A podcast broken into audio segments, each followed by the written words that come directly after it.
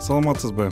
Эгерде сизде акыйкатсыздык адам укуктары бузулган учурлар мыйзамсыздык тууралуу сунуш пикирлериңиз болсо жөнөтүңүз азаттыктын whatsapp жана telegram номери нөл беш жүз элүү тогуз жүз сексен сегиз жети жүз элүү беш.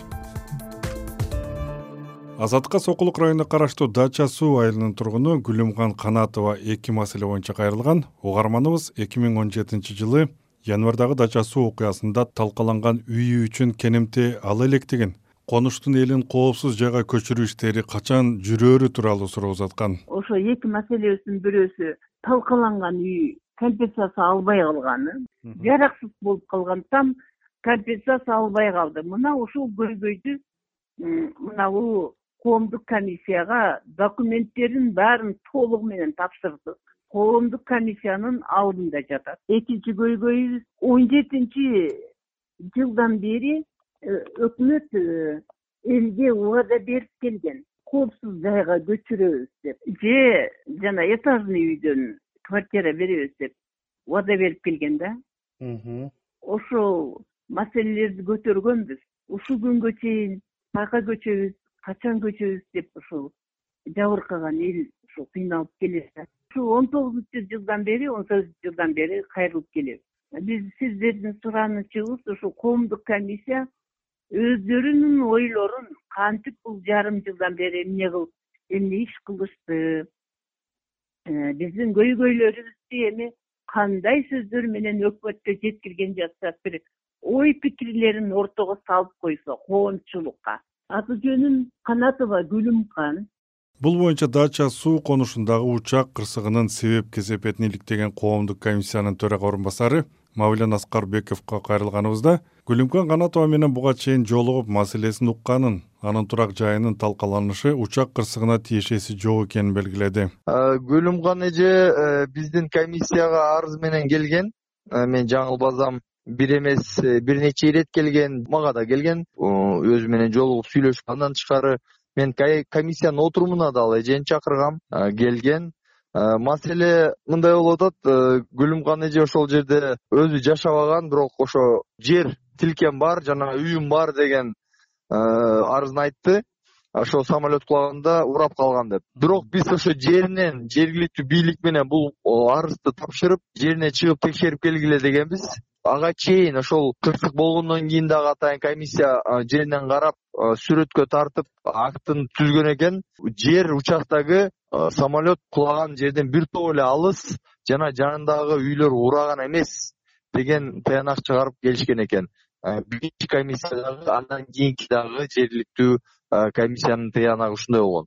Ошого байланыштуу баягы азыр компенсация маселесин чечүү мүмкүн эместигин биз э, комиссиядан дагы баса белгилеп айтканбыз. Дача суудагы учак кырсыгынын себеп кесепетин иликтеген коомдук комиссиясынын төрагасынын орун басары мавлен аскарбеков конуштун тургундарын башка жакка көчүрүү демилгелери ушул күнгө чейин мамлекеттен колдоо таппай келатканын кошумчалады. Көчүрүү маселесин мен сунуштагам. Көчүрөлү э, көп кабаттуу үй салып берели деген идеяны мен сунуштап ошол убакта э, талап кылып да чыгып митинг кылып иш козгоп мени камашкан да. Ошол мен сунуш бойдон эле калып калды. Ал жактан эч нерсе өкмөт тарабынан дагы немеде болгон эмес да. Аракет да болгон эмес көчүрөбүз дегенчи. Дача суудагы учак кырсыгына байланыштуу коомдук комиссия май айында ишин баштаган. Комиссия алты ай иштеп учактагы жүктүн чоо жайын жана элден чогулган акчанын бөлүштүрүлүшүн иликтей турган болгон.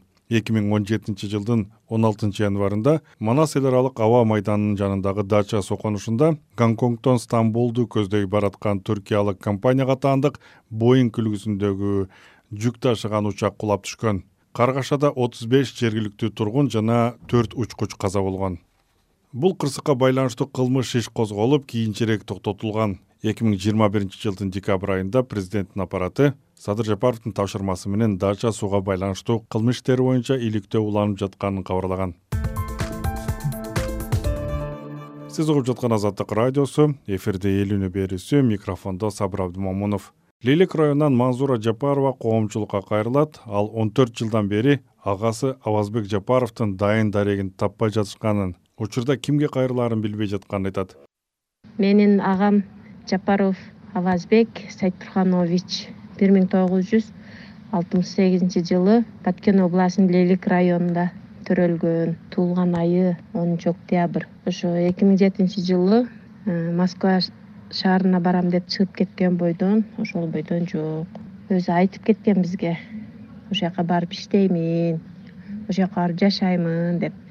Өзү чернобылга барган. Чернобылдарды москвада ушу жакшы карайт экен деп ошол жака кеткен айтып кеткен. Ошол бойдон дайынсыз телефонду ача албайт. Тааныш билиштерин эч ким көрбөдүк деп айтат эч ким көрбөптүр. Бирөөлөрдөн уктук москвага барып бирөөгө үйлөнүптүр москвадан бир комнаталуу үй бериптир бир баласы бар экен деп. Эки жыл алдын уккан маалымат болду. Эне эми бир бала айтып кетиптир да балаңызды көрдүм жүрөт москвада дептир менин аты жөнүм жапарова мансура мансура жапарованын кайрылуусу боюнча ички иштер министрлигинин пресс кызматынын инспектору адинай шаршиева орусияга баргандан кийин дайын дареги табылбай калгандар боюнча москвадагы ички иштер министрлигинин өкүлчүлүгү иш алып бараарын билдирип кайрылуу жол жобосун түшүндүрүп берди. Кыргыз республикасынын ички иштер министрлигинин россия федерациясындагы өкүлчүлүгү. Дайынсыз жоголгон адамдар боюнча плюс жети төрт жүз токсон тогуз алты жүз элүү үч сексен жети ноль ноль. Плюс жети тогуз жүз жыйырма алты сегиз жүз токсон сексен жети ноль ноль. Э, плюс тогуз жүз токсон алты э, үч жүз он эки токсон жети элүү беш жыйырма беш. Ишеним телефондоруна же представительство мвд mail ру представительство рф э, мвд kg электрондук почта аркылуу маалымат берүүнү суранат азаттыктын whatsapp номерине бишкек шаарынан самара кыдыралиева пикир калтырган. Ал азаттык радиосунун интернет сайтынын бүгүттөлүшүнө байланыштуу оюн айтып тилектештик каалоосун билдирген.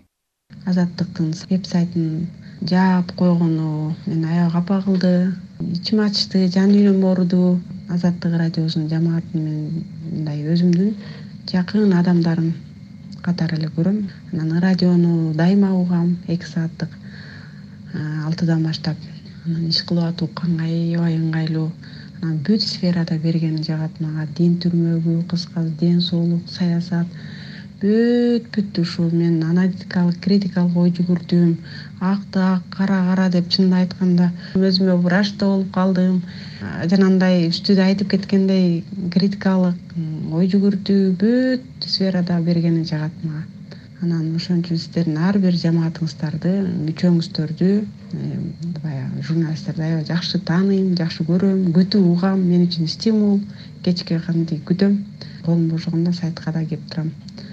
Анан ошо тилектеш катары колдоо катары ошо пикиримди билдирип коеюн деген убакыт баардык баалуулуктардан жогору турат да. Анан биз э, ошо маалымат алып атканда убактыбыз текке кетпеш керек да алганда дагы маалымат бул. Продукция да ошону алганда бир так маалымат алышыбыз керек да. Анан мен ошол убактымды текке маалымат албасаң да болбойт да. Элдин агындызы менен агып каласың эмне болуп атыптыр тиги эмне болуптур бул депчи. Ошон үчүн мен дайыма ошо азаттыктан бүт сферадан маалымат алып турам. Мага жагат убакыт кымбат анан ошол убакта убактым текке кетпей так маалымат алып чыгам да. Ошон үчүн баягы тилектеш катары колдоо катары сиздерди колдоо катары пикиримди билдирип коеюн дегем бишкек шаары турмуч самара кыдыралиева ушуну менен элүүнү уктуруусун жыйынтыктайын бизге тема сунуштап пикир калтырыңыз. Байланышчу телефон номерибиз нөл үч жүз он эки жыйырма бир токсон төрт жыйырма үч. Whatsapp телеграмдагы номерибиз нөл беш жүз элүү тогуз жүз сексен сегиз жети жүз элүү беш. Угарман эми элүүнү берүүсүнүн аудио чыгарылыштарын google жана apple подкасттарынан акысыз уга аласыз. Ал үчүн азаттык элүүнү деп издеңиз. Элдин пикирин топтогон мен сабыр абдымомунов эсен туруңуз